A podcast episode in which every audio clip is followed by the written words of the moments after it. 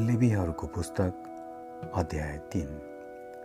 कसैको भेटी मेल बलि भए र त्यसले गाई गोरु मध्येको एउटा चढाउँछ भने त्यसले त्यो परमप्रभुको सामुन्ने निष्खोट साँडे कि गाई चढाओस्।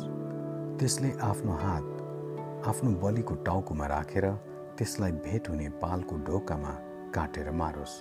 तब हारुनका छोराहरू अर्थात् पुजारीहरूले त्यसको रगत वेदीमा वरिपरि छर्कुन्। मेल बलिबाट त्यसले परमप्रभुको निम्ति आगोद्वारा बलिदान चढाओस्। अर्थात् आन्द्रा भुँडी ढाक्ने बोसो र आन्द्रा माथिको बोसो सबै दुवै मृगौला र तीमाथि र कम्मर्नेर भएको बोसो र मृगौला समेत कलेजा ढाक्ने मासु त्यसले झिकोस्। तब हारुनका छोराहरूले त्यसलाई बेदीमा आगोको दाउरामाथि भएको होम बलिमा जलाउन्। यो परमप्रभुलाई मनपर्ने मिठो बासना आगोद्वारा चढाइएको बलि हो।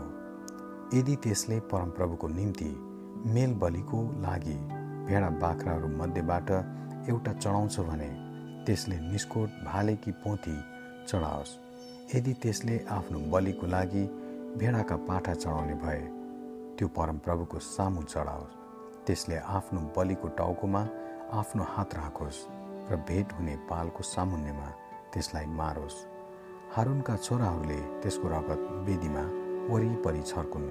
त्यसले मेल बलिबाट परमप्रभुको निम्ति आगोद्वारा बलिदान चढाओस्।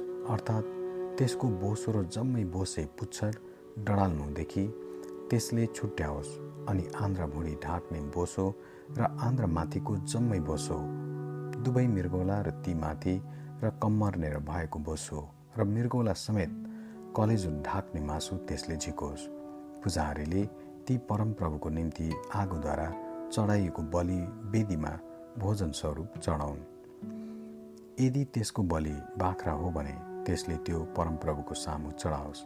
त्यसले आफ्नो हात त्यसको टाउकोमा राखोस् र भेट हुने पालको सामुन्ने त्यसलाई मारोस्।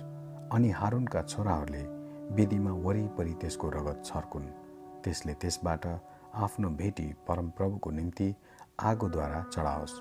आन्द्र भुँडी ढाक्ने बोसो र आन्द्र माथिको सबै बोसो दुवै मृगौला र ती माथि र कम्मर्नेर भएको बोसो र मृगौला समेत कलेजा ढाक्ने मासु त्यसले झिकोस्। पुजारीले ती मिठो बाँच्न हुनलाई आगोद्वारा चढाइएको बलि वेदीमा भोजन स्वरूप जलाउन्। बोसो जति सबै परमप्रभुको हो।